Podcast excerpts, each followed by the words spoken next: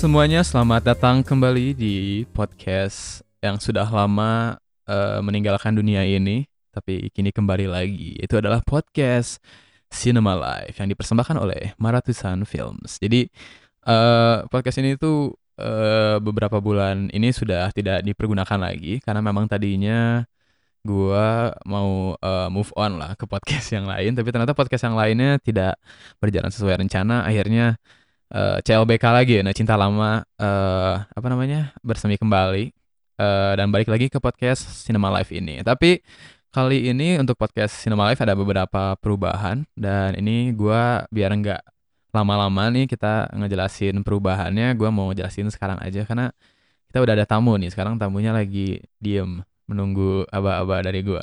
Ya nggak li? Ya. Yeah. ya. Nah jadi uh, Cinema Live itu untuk uh, mulai dari sekarang mungkin kalau dulu kita lebih mengedepankannya bagaimana uh, film itu bisa menyentuh sesuatu yang lebih universal yang kayak berhubungan dengan masalah-masalah manusia yang kita mengkaitkannya dengan tema-tema yang besar lah seperti ya, feminisme ada yang uh, kesenjangan sosial dan lain sebagainya. Uh, tapi untuk kali ini sih menurut uh, gue sendiri sebagai uh, admin ratusan ngelihat kondisi kita nih yang sekarang lagi uh, dilanda oleh musibah seluruh dunia ini dan orang-orang akhirnya terpaksa untuk berdiam diri di rumah. Ya, ya yang benar sih berdiam diri di rumah tapi banyak yang enggak. Tapi uh, ya berdiam diri di rumah dan terbatas lah interaksi dengan orang-orang. Jadi menurut uh, gua sendiri sih uh, podcast ini langkah lebih baiknya menjadi media untuk orang-orang yang mungkin uh, ingin apa ya menyuarakan pendapat lah ingin kayak membahas hal-hal yang mereka temukan selama corona ini mungkin atau yang udah mereka interest dari lama untuk mereka bisa mengeluarkannya di sini gitu untuk bisa sharing di sini. Karena gue sendiri sih ngerasa selama quarantine ini uh, apa ya namanya kayak dengan terbatasnya interaksi dengan orang lain jadi kadang-kadang tuh suka susah gitu suka pengen ngobrol tapi nggak ada temen. Nah mungkin diharapkan podcast ini bisa menjadi wadah untuk ngobrol itu. Nah uh, Oke, itu aja sih sebenarnya yang alasan perubahan gua. Jadi sekarang podcastnya akan lebih fokus ke mengundang eh, tamu-tamu yang mungkin baik rekan-rekan reviewer lain atau mungkin uh, ya orang-orang yang memang interest aja sih dalam bidang film.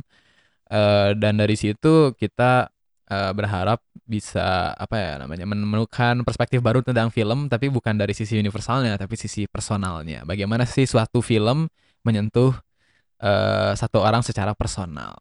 Dan untuk episode pertama ini tidak lain lagi gue mengundang seorang rekan reviewer yang waktu itu uh, sempat meratusan bikin live IG secara rutin juga dialah tamu pertamanya ya. Beliaulah mungkin ya, jangan dia. Harus lebih sopan nih sama beliau. beliaulah yang menjadi tamu pertama. Akhirnya uh, diputuskan untuk mengundang beliau untuk menjadi tamu pertama di podcast ini juga setelah sekian lama ya uh, silakan sambut uh, Mas Gali.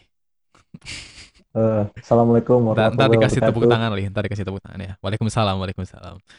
Uh, ya jadi uh, coba mungkin uh, bagi yang belum tahu, tapi kayaknya udah pada tahu sih. Tapi yang belum tahu nih, siapakah Mas Gali ini? Aduh, uh, aku bukan siapa-siapa sih sebenarnya. Oh, bukan siapa-siapa. Tapi ya namaku Gali, aku uh, mahasiswa. Hmm. Ya mahasiswa biasa ya tapi punya akun film, akun resensi, namanya Mania Cinema. Uh, satu angkatan gitu ya sama Maratusan. Iya, iya. Uh, juga Kita sering gelombang dua dalam, atau gelombang tiga mungkin. Ya. Apa? gelombang dua. Iya, Setelah ya, gelombang kedua. Senior, kayak, senior. kayak Iranian wave lah ya. Iya, iya, iya. Terus apa ya? Ya banyak lah ya mungkin. Ya. Gue sebenarnya sebenarnya uh, uh, pengen ini penasaran sih orang-orang yang review-review account film tuh emang direview semua apa kayak subscription cuman kayak ngefollow satu doang gitu ya? Harusnya dibuat survei itu, Li. Wah, nggak tahu. Ya bebas yeah. sih mau nge-review apa mau hmm. apa, apa semua subscribe semua atau apa yeah. semua ya nggak apa-apa sih. Ya, mungkin ya mungkin dari podcast ini yang kalau nih followernya Mania Cinema yang belum follow Maratusan silahkan kalau ya follower yeah. Maratusan belum follow Film... Mania Cinema silahkan gitu. mutualan kita harus mutualan guys. mutualan. Oke, okay, jadi uh, uh, apa ya? Oh ya udah langsung aja ya. Mungkin gue nanya dulu sih kayak tadi yang gue bahas di awal kayak menurut lu uh, selama corona ini mempengaruhi nggak sih lu kayak cara lu memandang film gitu kayak lu nonton film tuh jadi dapat perasaan yang beda nggak sih gara-gara corona ini dan mungkin diskusi film juga apakah jadi ada perasaan yang beda gara-gara quarantine dan lain sebagainya hmm. kalau dari film sendiri sih ya nggak ada terlalu berubah ya karena ya masih bisa nonton film. Tapi uh, kalau pas quarantine ini aku lebih banyak dapat teman online ya dari film. Jadi teman online dari Twitter gitu kan. Mm-hmm. jadi dan itu aku inginnya dari uh, apa ya beragam gitu. Jadi ada yang suka uh, istilahnya film bro ada yang uh. snob kayak gitulah ya. Yeah, yeah, yeah. jadi uh, apa ya banyak teman dari online dan diskusinya kayak dapat insight baru gitu. Karena aku orangnya suka belajar dari, dari siapa aja sih sebenarnya. Entah yeah, dia yeah, itu yeah. nontonnya cuma apa film Marvel. Jadi aku tanya kenapa? Aku nggak terlalu kayak film Marvel. Jadi aku tanya kenapa suka film Marvel? Karena begini begini. Jadi aku hmm. dapat insight baru. Sebenarnya itu sih dit. Uh, maksudnya kalau terhadap nonton film sendiri sih nggak ada ya karena nonton nonton aja gitu hmm. ya apa ya uh, karena pas di kuarantin ini uh, apa di rumah aja jadi banyak bantu orang tua uh, alhasil nonton film agak tersita waktunya itu aja sih. Hmm, oke oke oke. Kalau ya berarti beda ya, soalnya kalau mungkin buat follower ratusan juga udah sempat ngelihat eh selama berapa ya? Sebulan kali ya itu ratusan uh, kosong gitu. Tidak ada oh, itu ada apa baru. itu? Nah ya itu itu kalau gue sendiri sih selama gara-gara quarantine entah kenapa jadi jadi hilang nih justru. Uh, apa namanya? Motivasi untuk nonton tuh jadi sempat sempat hilang itu lama. Hmm. sempat uh, mungkin entah jenuh entah gimana kayak menurut uh, gue jadi nonton film itu jadi seakan-akan jadi lebih ke beban lah jadi lebih kayak tugas uh, karena mungkin film itu kan ya apalagi film-film yang gue tonton pribadi gitu film-film yang uh, memberi asupan pikiran ya maksudnya. Ngerti kan li maksudnya? Ngomong bos. Nggak nggak maksudnya ya emang filmnya emang justru nyuruh nyuruh mikir gitu ya entah kenapa gitu emang dari dulu ya sukanya filmnya yang gitu maksudnya yang nggak cuma ringan-ringan doang. Akhirnya gara-gara itu sedangkan di dunia ini sudah banyak beban pikiran gitu kan udah banyak masalah ditambah masalah lagi sama film. Jadi mungkin waktu itu sempat mikir film tuh bukan malah jadi pelarian seperti bagaimana orang-orang gitu kan. Orang-orang banyak yang menganggap film sebagai pelarian kalau gue malah jadi sebagai uh, apa namanya pengingat kayak sebetapa kacaunya dunia ini gitu. Waduh. uh, begitu sih. Jadi akhirnya sempat hilang tapi ya udah akhirnya uh, lari ke game sih. Kemarin tuh lari ke game banyak ke game. Karena mungkin game lebih apa ya lebih uh, mengajak gitu ya li. Maksudnya ngerti nggak sih li? Kayak lebih ya ngerti ngerti. Ya, kita ya, ya ber, berpartisipasi eh, dalam ceritanya. Ya interaktif. Nah itu dia. Mungkin itu sempat kayak ke game karena memberikan gue uh, perasaan gue mencapai sesuatu padahal hanya virtual. Uh, ya jadi akhirnya dari game baru akhirnya kema baru kemarin-kemarin kembali lagi ke film. Terus mumpung gue dapat motivasi baru nih perspektif kayak wah semangat lagi soal film akhirnya gue buatlah podcast ini. Dan ya mungkin sekian sih kalau untuk uh, apa secara generalnya. Karena gue udah nggak sabar sebenarnya ngomongin satu film yang direkomendasiin Mas Gali. Karena gua, uh, kemarin gue nanyain nih ke si Gali nih uh, Lih lu mau ngebahas film apa? Film favorit lu kira-kira apa dan gue udah ketebak sih dia bakal ngomong film apa. Karena nggak diem diem nih nih anak ngomongin film ini terus deh eh ya jadi filmnya apa lih coba lih coba dikenalkan film yang akan kita bahas kali ini. Uh, rasa buah cherry ya. wah rasa buah cherry. cherry. Bahasa farsinya apa lih tau nggak? Apa ya? susah pak Oh, eh, eh apa sih susah pak? Oh tahu tapi tahu wah keren nih. Tapi emang emang udah kali ini udah sarjana ya film Enggak. Uh, Taste of Cherry. Enggak. Enggak. uh, udah pernah ngambil kelasnya kali ini kelas Kiarostami. Oke okay, tapi ya sebelum ini sebelum kita bahas filmnya kita mending putar dulu uh, trailer dari filmnya. Ada ada kan trailernya li? Ini gue belum nyari loh. ada lah ya, ada ya. Oke, okay, kita ada. kita putar dulu trailernya. ada. trailer kalau nggak trailer berarti cuplikan dari film Taste of Cherry sebagai bridging. Ya, Oke, okay. ini dia Taste of Cherry.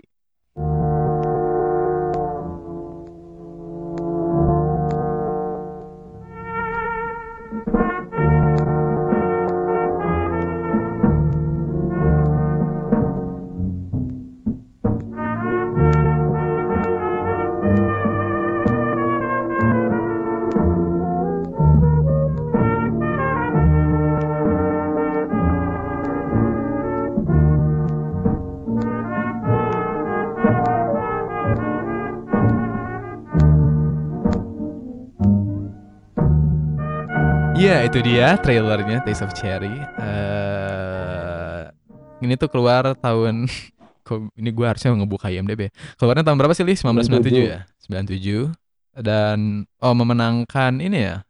Palm d'Or. Dior, Bro. Palm di Palm d'Or ya, Palm d'Or untuk Palm emas ya. Iya, Palm emas.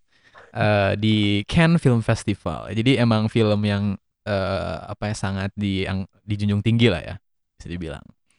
Uh, dan sutradaranya tidak lain lagi adalah Abbas Kiarostami seorang sutradara dari mana nih mending, mending lu aja loh li yang yang kenalin li. Lu lebih oh. expert li.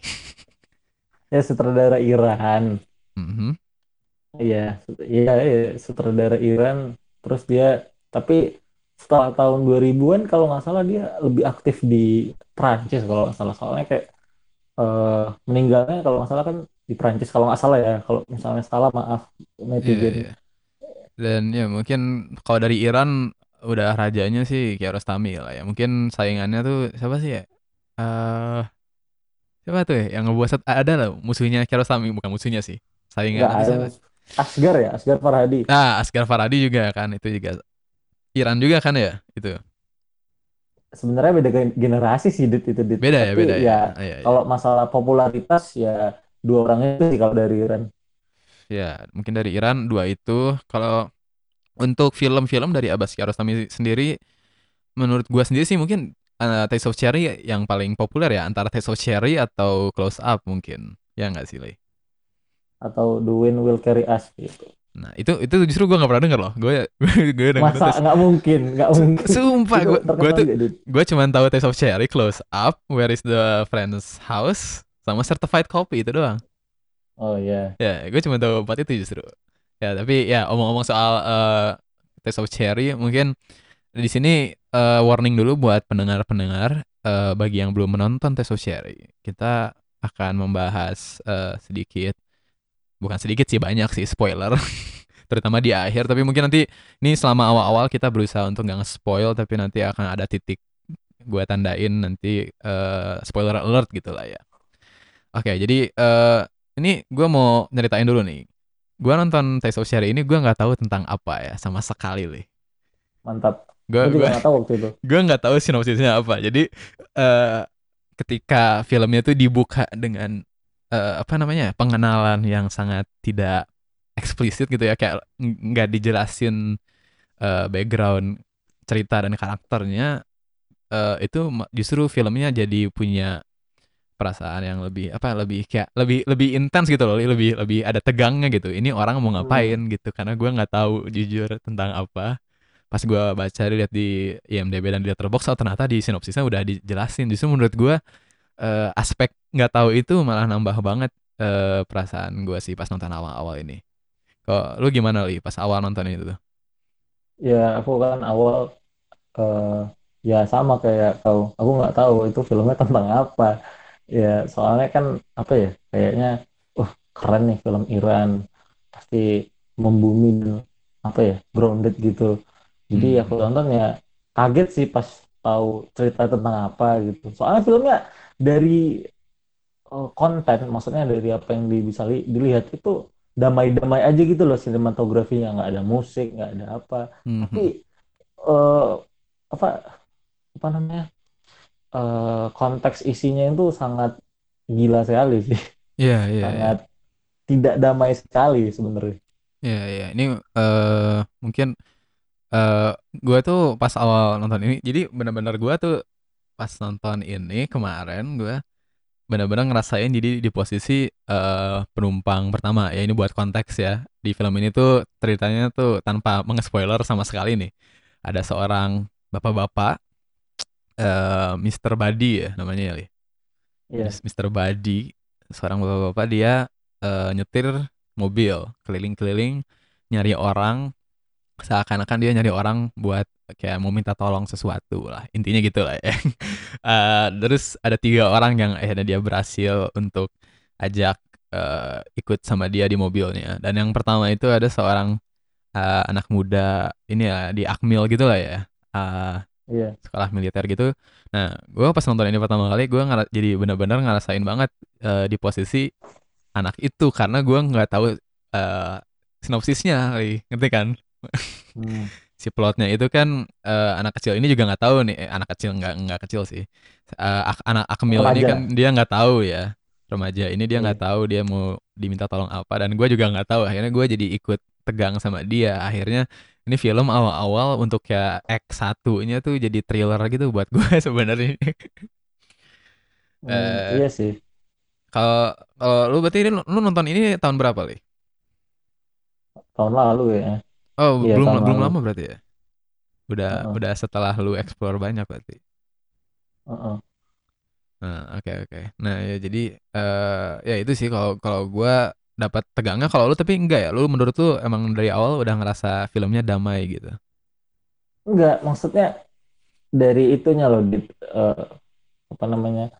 Nuansanya. Sinematografinya. Gitu. Ah, nuansanya damai cuma uh, apa yang dibawanya itu ya tegang juga ya sama kayak kau sama-sama kayak ini hmm. thriller atau apaan ya gitu ada kayak uh, ini mau ke mana ada gitunya cuma hmm. hmm. apanya yang damai ya mungkin visualnya ya yang damai menurut aku ya iya iya iya ya. suka suka ah, banget iya, sih suka banget sih sama uh, apa sinematografinya dan editingnya -huh. sangat minim gitu ya. Maksudnya nggak ada shot yang sebenarnya kayak subtil subtil. Ya ya ya nggak nggak ada yang shot yang disengaja bikin lebih wah dari yang lain gitu loh. Yeah. menurut gue semua shotnya standar standar sebenarnya. Nggak ada shot yang kayak wah itu gimana caranya? Tapi semuanya tuh uh, gara-gara simple jadi kayak ngalirnya enak aja gitu menurut ah, gue sih. bener bener itu dia. Ya shot di banyak shotnya kan di film ini kayak cuman satu shot yang diulang-ulang terus kan cuman bapak-bapak ini nyetir di shot dari pinggir. Uh, tapi, tapi iya iya gue suka banget dengan itu karena uh, nggak diinterupsi sama sekali. Mungkin ini salah satu film yang uh, durasi dengan waktu di dalam filmnya sama. Ngerti nggak lo? Iya, iya. kayak nggak ada sama sekali time skip gitu loh. Nggak ada di skip waktu. Nyaris nggak ada lah walaupun ada tuh cuman sedikit banget.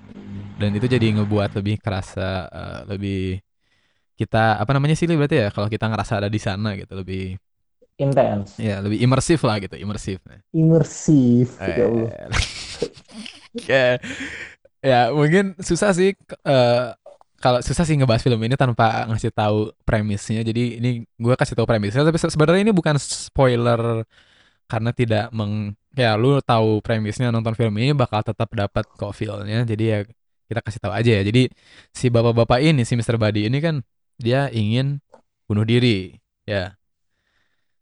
Nah uh, dan konflik filmnya ini adalah tentang dia mencari seseorang untuk uh, membantu dia bunuh diri lah ya bisa dibilang.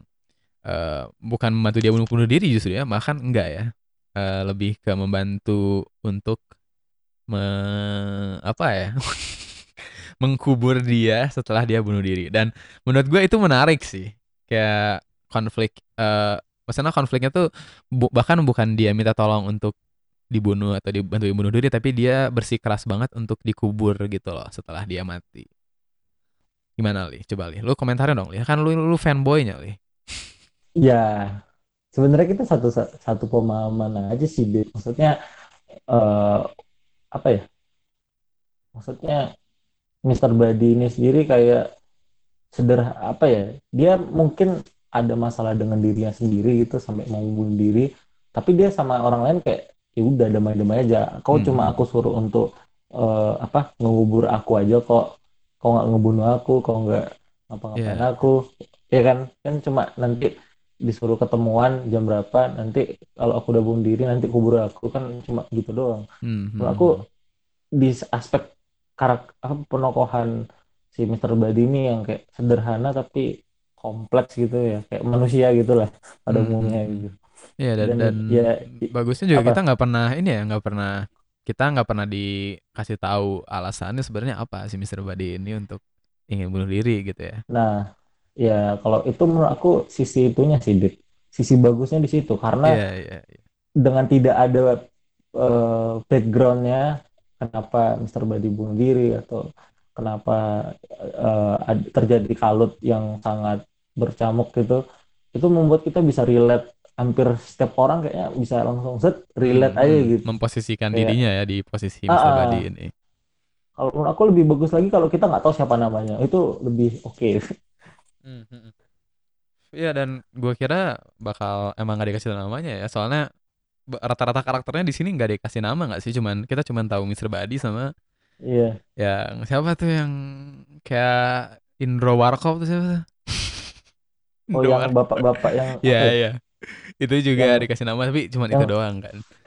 Eh iya ya emang menurut gue juga eh apa ya kayak openingnya juga ya gue suka banget sih sama openingnya. Kayak gue nonton film ini baru sebelum ada tulisan eh, apa namanya eh, Taste of Cherry-nya. Aja gue udah suka banget dengan kayak kita nggak dikasih tahu apa-apa cuman ngikutin orang ini nyari kayak di eh, tengah kota gitu ya. Dan eh, itu juga Hmm, gue hmm, juga awalnya nggak ngerti itu tuh apa sih kenapa banyak orang-orang kayak di pinggir jalan terus kayak nawarin kerja gitu kan.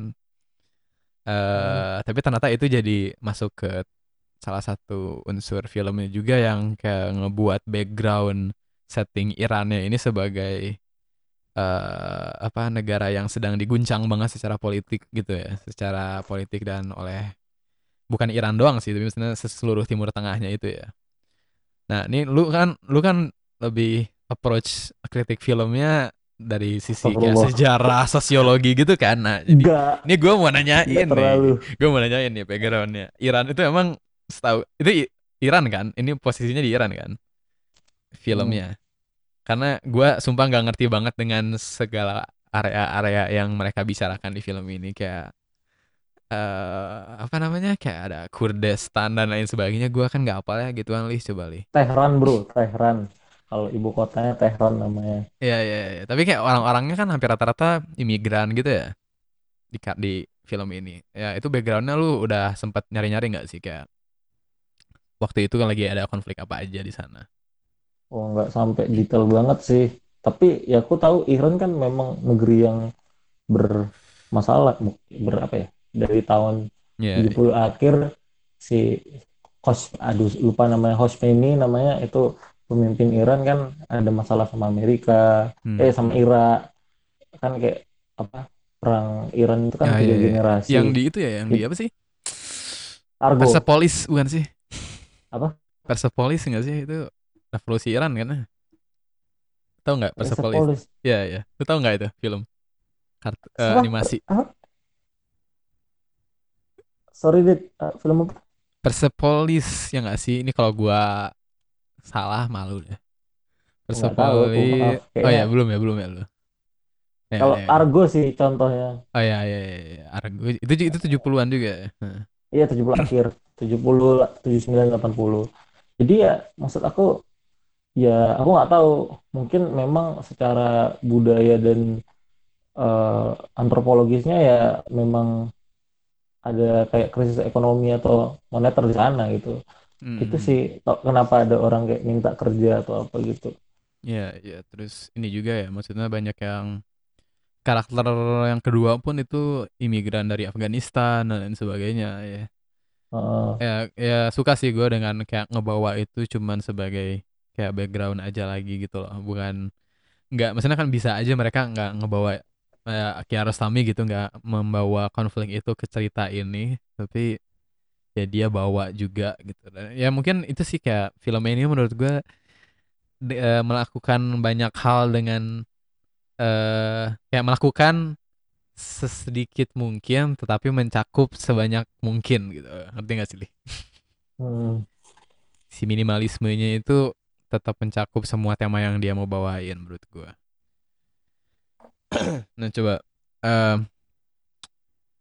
apa ya nih so ini lu apa kayak lu ngomong apa yang menarik dari film ini gitu? Apa ya bro? Lu terakhir nonton kapan lu? Terakhir nonton? Udah lama ya iya udah lama emang aku tuh aku tuh gak bisa nonton uh, di rewatch dit oh lu sekali doang banget oh iya sekali doang berarti lu Iya. Oh. Karena filmnya apa ya? Magis gitu. Iya, iya. Kalau diulangi lagi jadi berkurang ya. Uh, uh, kayak kesentuh batin gitu loh kayak. Uh. kayak ya ini sebenarnya yang paling ramai itu nanti nih kalau kita udah mulai ngebahas tentang sisi spiritualnya karena kayaknya itu paling perbedaan di situ ya gue sama kali ini. Iyalah. Apa sih yang enggak? Ya, iya sih. Jadi eh uh, mungkin kita bahasnya dari dari ini aja sih dari kayak uh, menurut lu sendiri ini gue juga masih mikirin sih kayak uh, apa namanya relevansi setiap orang yang diajaknya tuh apa menurut lu sendiri lu lu punya kayak ini enggak uh, pengertian sendiri kayak kenapa Kiarostami memilih tiga orang yang diajaknya itu satu adalah seorang remaja uh, Akmil satu lagi kayak mahasiswa ya itu mahasiswa uh, apa sih namanya tuh yang yang kedua tuh lu inget nggak? Kayak tentara nggak sih? Apa sih? Yang pertama itu tentara, yang kedua tuh kayak mahasiswa belajar jadi kayak semacam ustadz atau semacam oh, ulama. Kon oh, dulu apa? Kontraktor apa sih? Apa? Traktor itu ya bukan? Iya ya di, di, di berat. Ya, tapi dia tuh kan lagi kuliah juga kuliah sebagai oh, iya, iya. iya. ini apa namanya penyebar agama gitu lah ya mungkin simpelnya. Dan yang terakhir itu seorang guru uh, dosen yang gue tangkap mungkin ya uh, ya seorang guru lah gitu ya orang bijak lah ya pembicara gitu ya nah menurut lu gimana lu itu kenapa dipilih tiga itu sih aduh aku bukan dosen film S3 aku jangan nanya. ya enggak lah. Kan menurut lu ini menurut lu. Lu kan lu kan sebagai ini nih apa namanya ini film favorit oh. nih si punya lah alasannya. Ini kalau Galih nggak bisa ngejawab berarti followersnya tolong unfollow Mania Cinema karena tidak tidak ini karena ya, mungkin tidak kritis ternyata. Karena uh, mungkin dari sisi latar belakangnya yang cowok itu yang pertama itu kan yang remaja kan militer. Ya sebenarnya itu kayak menggambarkan hmm, apa ya? Uh, bahasanya apa? Ya? Bukan stereotip ya apa ya? uh, persepsi over overview atau persepsi dari hmm. orang masyarakat Iran tuh seperti apa sih gitu ah, kayak iya. ada yang militer ya kan ada yang hmm. militer hmm. ada yang apa namanya dia pas kalau Agamis, gitu. militer gitu. ini dia kayak bangga banget gitu loh jadi militer kalau nggak salah ya kayak uh, apa ya kayak mau banggain orang tua dengan militer kalau nggak salah ya aku lupa juga pokoknya hmm. ada kayak si pas siapa namanya Mr. Badi ini ngomong sama yang remaja tersebut kayak, kayak ada ngekritik eh, dampak dari militerisme dari Iran itu seperti apa sih ke anak remaja kayaknya mm-hmm. kalau masalah gitu sih pas yeah, yang yeah, di yeah. Terus ya kalau ya yang kedua mungkin paling jelas sih menurut gue yang konflik karena filmnya emang di apa di uh, diselimuti oleh konflik agama kan sebenarnya dan yang kedua tuh nah, karakternya itu. kan uh, calon ustadz lah ya kalau Indonesia hmm. anak-anak santri lah ya seperti Mas Gali ini ah so, aku nggak aku nggak nyantren bro oh, iya, iya. Nah gitu mungkin itu ya. Kalau yang kedua sih gue nangkepnya itu. Ya kali ya. Ya. Kalau yang ketiga nah. menurut lu gimana li? Yang guru. Wah, beliau beliau saya saya tidak pernah ketemu beliau itu yang aktornya tapi mau kecup mau alam. Karena dengan petuahnya buat saya jadi pengen sholat. Waduh, keren dah. Apa ya itu kayaknya uh, kayak gambaran kayak orang-orang bijak aja nggak sih kayak apa uh, orang-orang karena bawaannya tuh humble banget loh. Uh, iya, iya, iya. Pas dia bilang ke mana Mr. Badi bilang ke dia kayak aku mau bunuh diri bla bla bla dia dia nggak langsung menceramahi gitu kayak yeah, iya. pelan pelan yeah. di bawah itu gila sih yeah, dan, dan menurut aku Ya, apa ya mungkin kayak ini sih eh, nggak nggak kebetulan juga ke setiap eh, orang yang diajak tuh bertambah umur gitu ya. Bertambah hmm, kayak udah punya kematangan yang lebih. Karena mungkin kan kayak yang kedua dia mempelajari agama tapi dia masih sebatas kaku masih kayak menganggapnya ya ya eh, apa ya kamu nggak boleh bunuh diri karena emang dilarang oleh Al-Quran kan kalau dia mengutipnya. Tapi nggak dibawa lebih dari itu gitu nggak dia nggak iya iya. elaborasikan lagi. Kalau menurut gue sih yang yang terakhir mungkin nggak nggak pernah nyebut eksplisit kayak yang nggak boleh kalau di agama dan lain sebagainya. Tapi dia diajak berpikir. ya diajak berpikir benar banget. Itu kayak dan menurut aku Kurosami juga pas nulisnya nggak terlalu mikir yang tiga karakter tersebut latar belakangnya kenapa. Kayak soalnya filmnya ngalir banget gitu dit. Mungkin Mhm. Kurosami kayaknya ya kayak kayaknya apa kayak road trip jalan-jalan nengok orang eh ada militer ya ambil ya lah ya ya dapat benar terus benar eh kayaknya ya jadi kayak kayaknya filmnya gimana ya? Filmnya saking ngalirnya dan kayak seolah-olah itu ya spontan aja gitu Kurosami buatnya gitu. Kayak mhm, kayak mhm. nggak terlalu dibuat skripnya gitu. Maksudnya ya, meditatif ya guys. Apa? Sinema meditatif namanya juga ya waduh wah. berat. Ya meditatif. gitu lah dit. Iya begitu ya tapi mungkin ya eh, apa lagi sih ya? Ya mm, ya kayaknya langsung aja ya dibahas ke sisi agamanya. Karena menurut gue yang paling yang yang paling menurut gue yang paling menarik adalah di situ ya. Mungkin hmm. pertanyaan pertama sih eh yang cukup besar menurut gue kayak eh film ini sih sebenarnya menurut lu apakah dia eh, sebagai yang gua baca sih orang-orang anggapnya emang film ini film anti suicide lah ya kayak anti bunuh diri gitu. Kayak mengajarkan orang untuk tidak bunuh diri. Kalau lu sendiri apakah lu ngerasanya gitu atau enggak sebenarnya Li? gimana ya? Aku nggak menganggap ini anti suicide aja tapi bagaimana cara mencintai diri sendiri? Maksudnya mencintai hidup ini sih sebenarnya kalau aku. Kayak kata siapa namanya si bapak yang orang ketiga itu kan kayak kau coba kau apa makan cherry itu dan rasakan rasanya gitu itu kayak aduh putih sekali gitu jadi kayak nggak ada mana ya mungkin kalau anti suicide mungkin kalau dilihat apa ya secara agak dangkal iya sih karena dia nggak jadi bunuh diri kan tapi kalau dilihat dari kacamata yang lebih luas kayaknya tidak hanya tentang bunuh diri aja gitu loh Dik. Hmm. Soalnya kayak setiap orang yang nonton yang punya masalah yang dia dia nggak mau bunuh diri, dia kan apa ya? eh, apa namanya? Filmnya tuh nggak ngedoktrin kok jangan bunuh diri, tapi kayak soalnya kayak cintailah hidup ini. Kayak Iya, gitu. iya, iya, Kan iya. menurut aku itu dua hal yang ber- berbeda antara mencintai hidup dan bunuh eh, apa tidak apa eh, pencegahan bunuh diri dua hal yang berbeda menurut aku tuh sih itu sih. Ya, ya. Nah, tapi tadi nih, lu ngomong sesuatu yang menarik sebenarnya. Ini gue mau, mumpung lu ngomong, kita kita pause dulu yang soal agamanya, yang soal apa bunuh diri dan lain sebagainya. Tapi eh lu tadi bilang emang nggak jadi bunuh diri, Mister Badi. Wah, ya enggak bukan nggak jadi sih. Heeh. Mana? Itu sus aku Nah, mana ya? Lu lu nangkapnya salah gimana? Karena menurut gue emang emang emang, emang terbuka sih. Menurut gue terbuka nggak sih? Nggak, kita nggak tahu kan. Ya, ya mau bunuh diri atau enggak apa ya? Kalau aku sih nengoknya gini, Dit. Semiotika yang diberi Kurosami menurut aku siapa siapa? brilian. Eh, jadi pas dia si bapaknya itu si Mr. Badi itu tidur kan, ya kan? Ya, ya. Itu kan ada hujan. Mhm.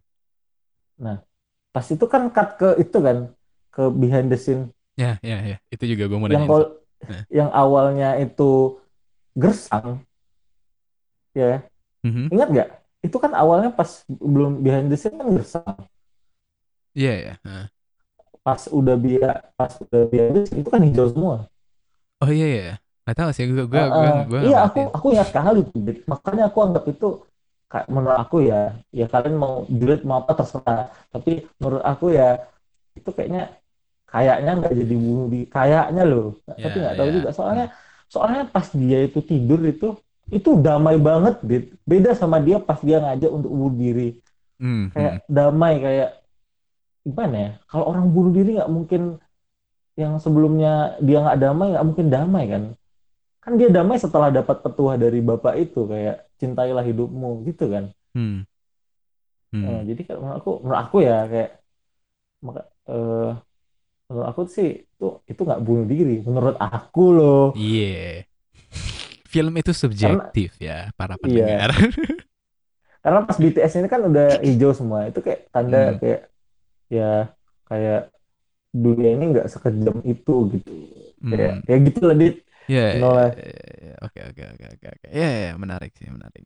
Eh, ya ya, tapi berarti eh, itu ya yang soalnya soalnya gue juga gue jujur bingung sih tentang kayak yang behind the scene itu eh ya gue sebenarnya sedikit kayak mempertanyakan tujuan pastinya. Apakah emang benar kayak yang kata lu gitu kayak cuman untuk semiotika itu atau ada alasan lebih? Eh lu sendiri pernah nggak kayak lu ngegali lagi soal itu? Kayak kenapa Kiarostami ngasih itu di akhir?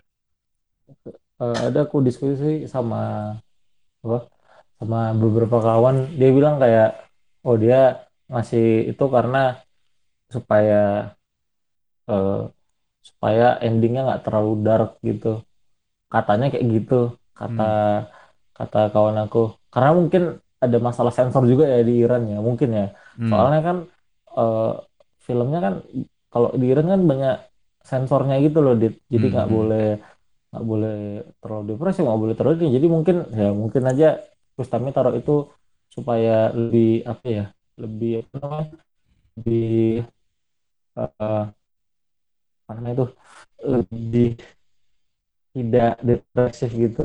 Tapi hmm. hmm. masalahnya aku bingung. Kalau misalnya Bustami eh, ngasihnya seperti itu supaya tidak terlalu depresif kenapa pas yang yang adegan sebelum BTS itu gersang dan pas adegan BTS itu eh, apa udah hijau semuanya? Karena nggak di udah color grading li apa? Enggak dit. Itu memang hijau rumput dit. Soalnya kan pas eh. pas dia tidur itu kan hujan kan?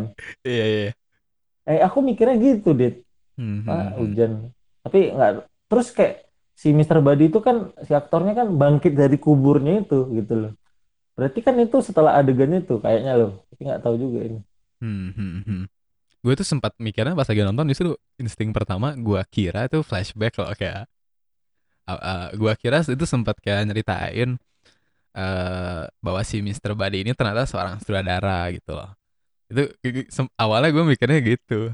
Eh, mantap juga soal soalnya ya ini ini ya malu-maluin ya guys tapi ya gue nggak inget kan ya Bapak Abbas Kiarostami ini eh seperti apa rupanya. Jadi gue nggak nge pas eh adegan itu tuh itu ada Abbas Kiarostaminya. Maaf maaf aja ya teman-teman. Tapi ya akhirnya gue jadi mikirnya kayak oh ini apakah ceritanya si Mr. Body ini sutradara kalau gitu kan eh, yang gue tangkap malah kalau emang ternyata bener gitu berarti mungkin maksudnya Kiarostami itu Mr. Bade ini representasi dia gitu mungkin dia mengaku bahwa oh ini filmnya itu tentang tentang saya gitu saya misalnya pernah eh, Kiarostami pernah berada di posisi itu ya mungkin nggak sampai titik di mana udah mau ngubur diri atau gimana tapi sempat lah merasa suicidal dan lain sebagainya. Itu awalnya gue mikirnya gitu loh. Pas gitu gue langsung eh menarik juga. Terus pas gue ngeliat nge-google Abbas Kiarostami oh Abbas Kiarostami itu berarti itu behind the scene asli ternyata. Oh, gue sebenarnya kayak gitu. iya ya lanjut. Ya ya ya nggak sih gitu aja sih. Gue sempat kepikirannya aneh aja.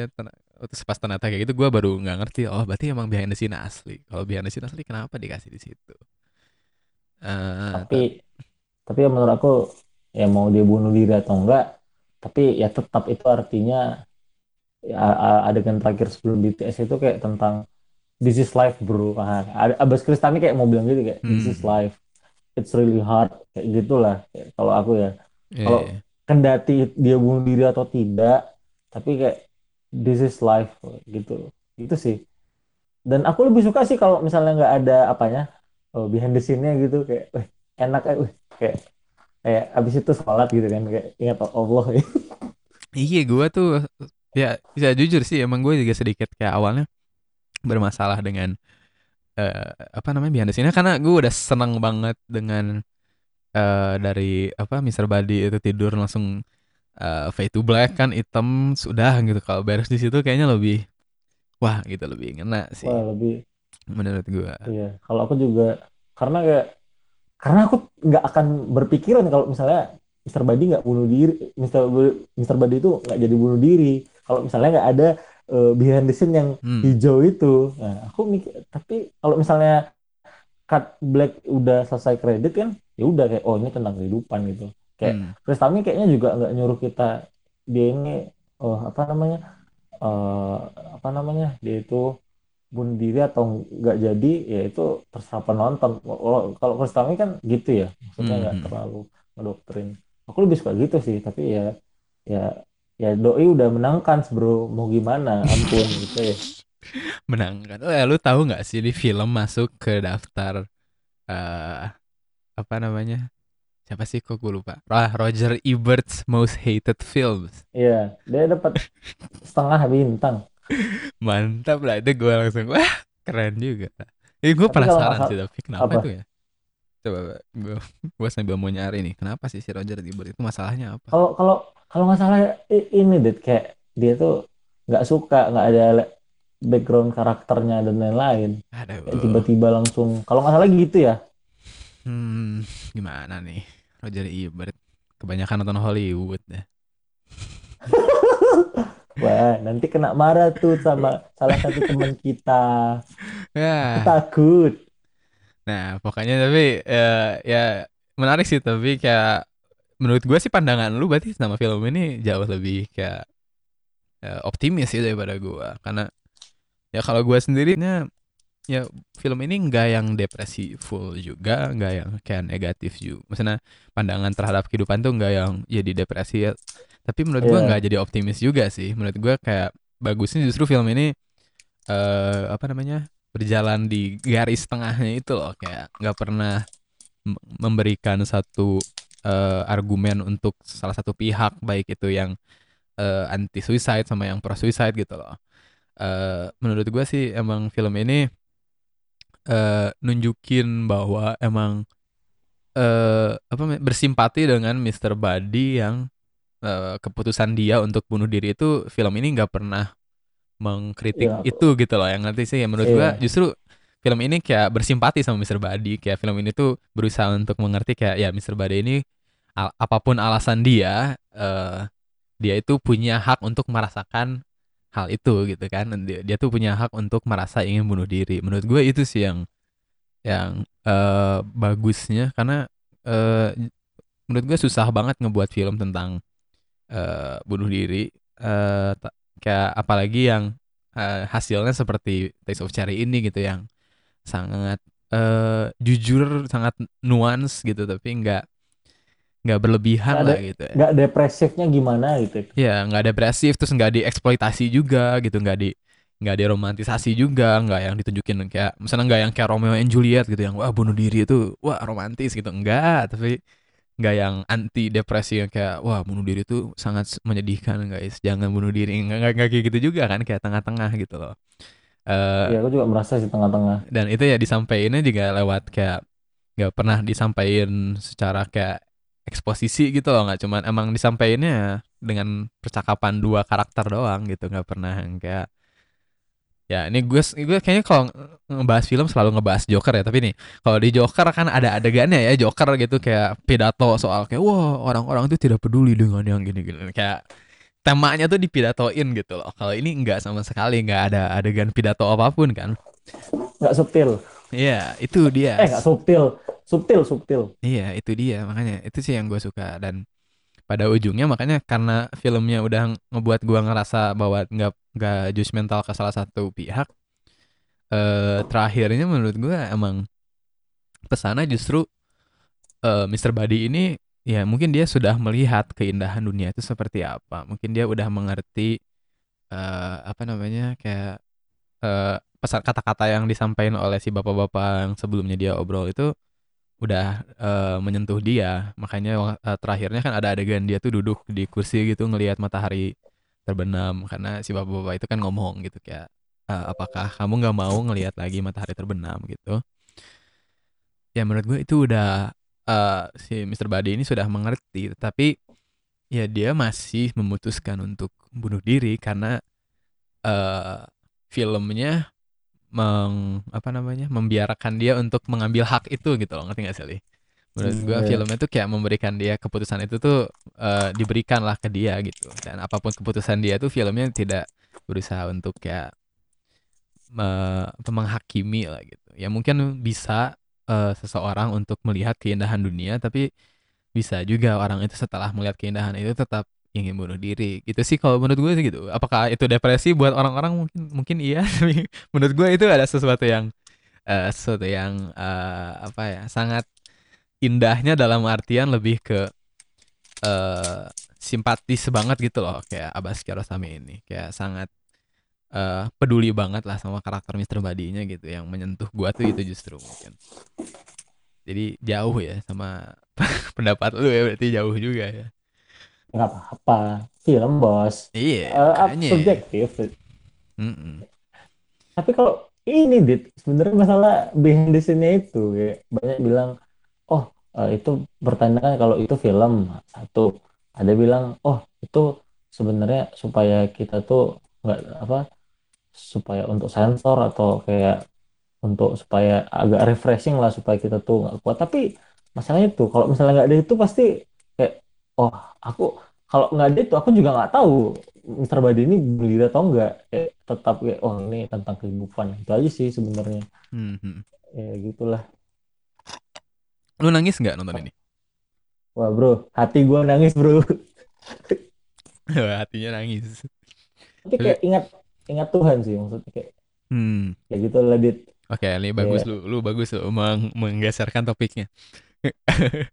Karena emang ya mungkin film ini uh, apa ya, banyak bukan bercandain ya tapi kayak udah jadi punya reputasi sebagai film yang sangat mengguncang uh, apa namanya?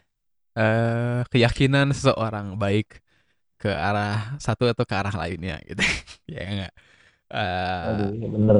nah mungkin kayak ya kalau lu sendiri berarti dapat uh, apa ya dapat kayak ya ya jelasin dulu lah. Lu kalau gue udah tahu nih tapi pendengar mungkin belum tahu kayak efek film ini nih buat kayak spiritual lu gimana? Kayak ini kenapa aku ngajak nonton film ini? Karena aku setiap nonton film itu pasti kayak mempertanyakan Tuhan. Maksudnya kayak iya juga ya. Tapi kayak ya udahlah itu kan menurut uh, apa mereka ya. Karena ya aku cukup aku nggak mau self proclaim tapi aku ya sholat ya. Aku ya menjalankan ibadah-ibadah. Jadi aku agak kalau nonton film lain tuh agak kayak agak sedikit keguncang ya. Kayak eh bener juga tapi ya mana itu pendapat orang lain aku nggak mau ikut. Tapi pas film ini itu kayak eh, satu-satunya film yang kayak aku bisa ingat Tuhan gitu kayak apa kayak kayak tiba-tiba pas habis nonton kayak Tuhan itu kayak memukul pundak kayak hey ingat aku gitu. Kayak ayo hmm. banyak bersyukur kayak gitulah kalau aku ya.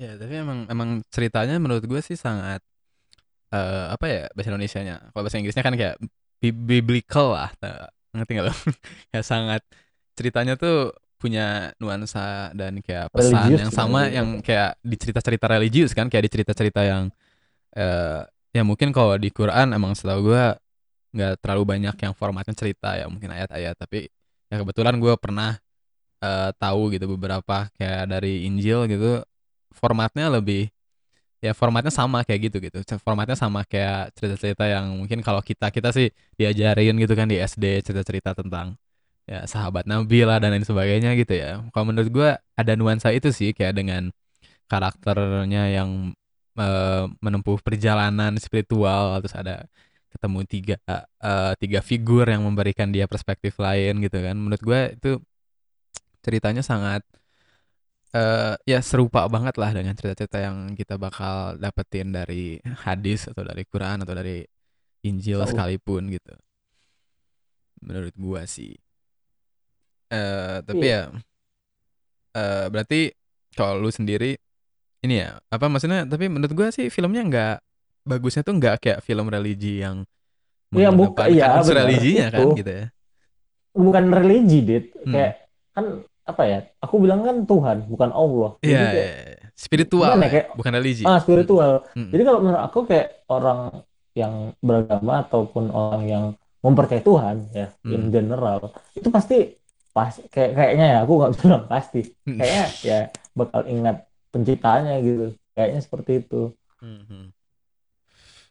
uh, ya ya dan emang gue juga udah pas uh, filmnya ini baru mulai gue udah langsung kayaknya gue mau nge-tweet ya. Karena gue gue tuh lupa lu padahal pernah ngomong tapi gue kaget. Pas pertama kali gue nonton film uh, dibukanya pakai Bismillah dong. Itu keren banget.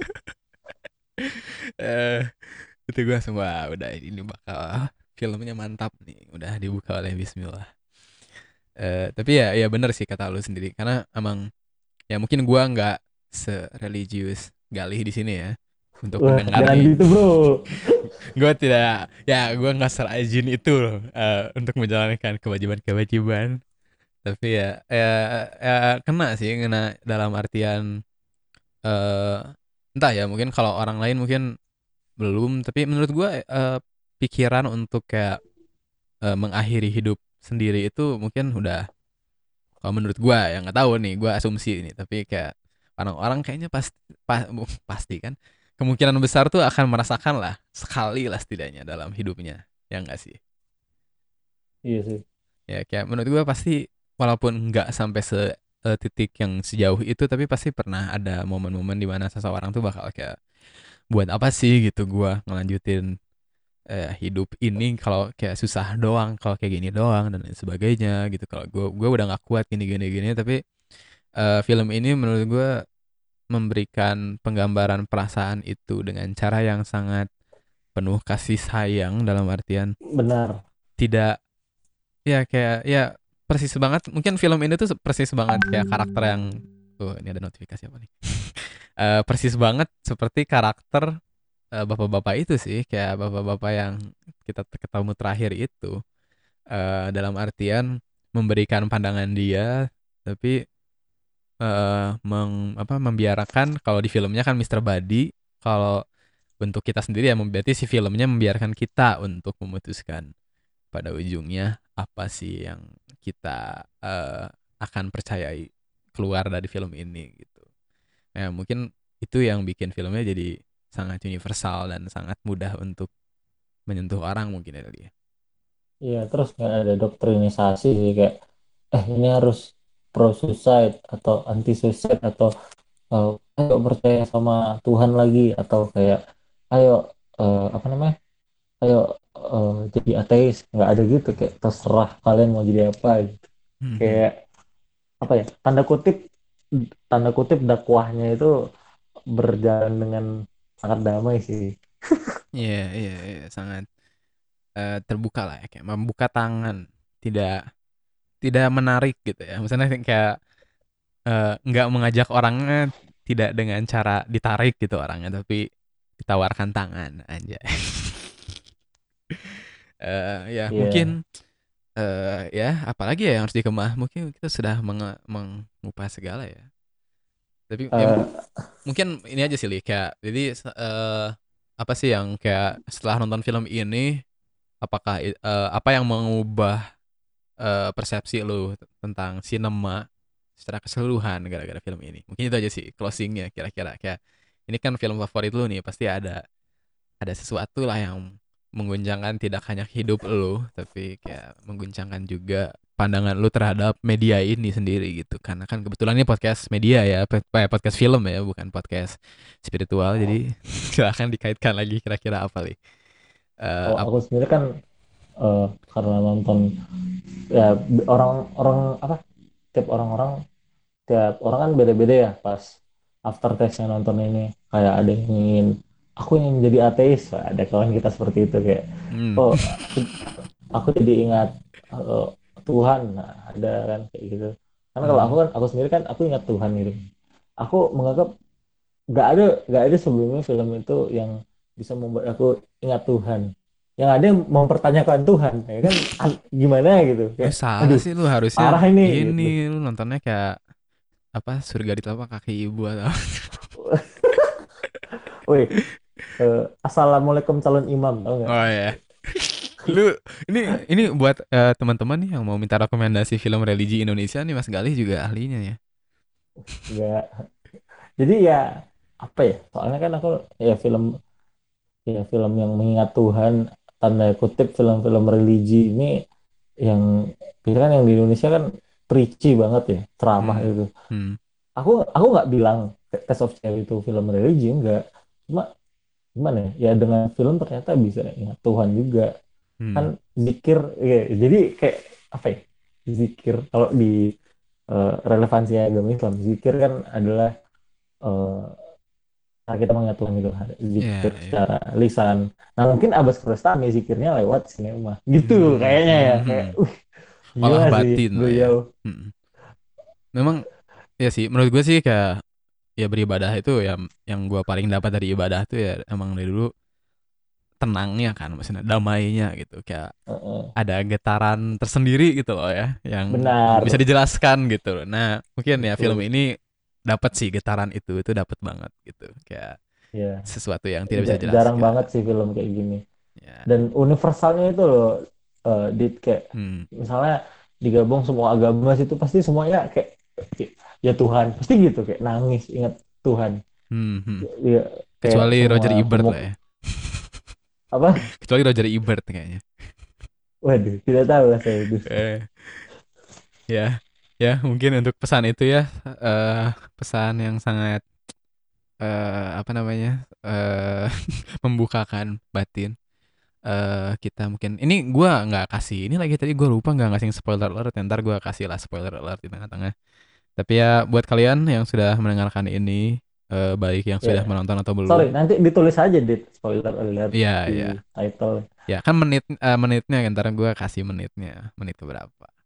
Ya, jadi buat kalian nih uh, yang belum nonton tapi udah ngedengerin ini berarti ya ngapain lu ngedengerin ini kalau belum nonton. tapi uh, ya buat kalian yang udah nonton pastinya mengerti lah perasaan uh, yang dideskripsikan oleh Galih tadi. Dan mungkin yang udah nonton terus sempat eh, udah lama nontonnya terus udah lupa atau udah masih nggak ngerti waktu itu pas nonton mungkin coba nonton lagi dan lihat apakah ada sesuatu yang berbeda dari sana. Tapi ya itu dia diskusi kita untuk film dari Asgar, eh, Asgar Farhadi kan Abbas Kiarostami Abbas Kiarostami uh, Taste of Cherry pemenang Palm d'Or 1997 uh, untuk episode berikutnya kita bakal terus uh, apa berdiskusi tentang film-film yang dipilih oleh tamunya. Jadi di sini gua nggak punya kendali apa-apa. Gimana tamu? Tamu adalah raja.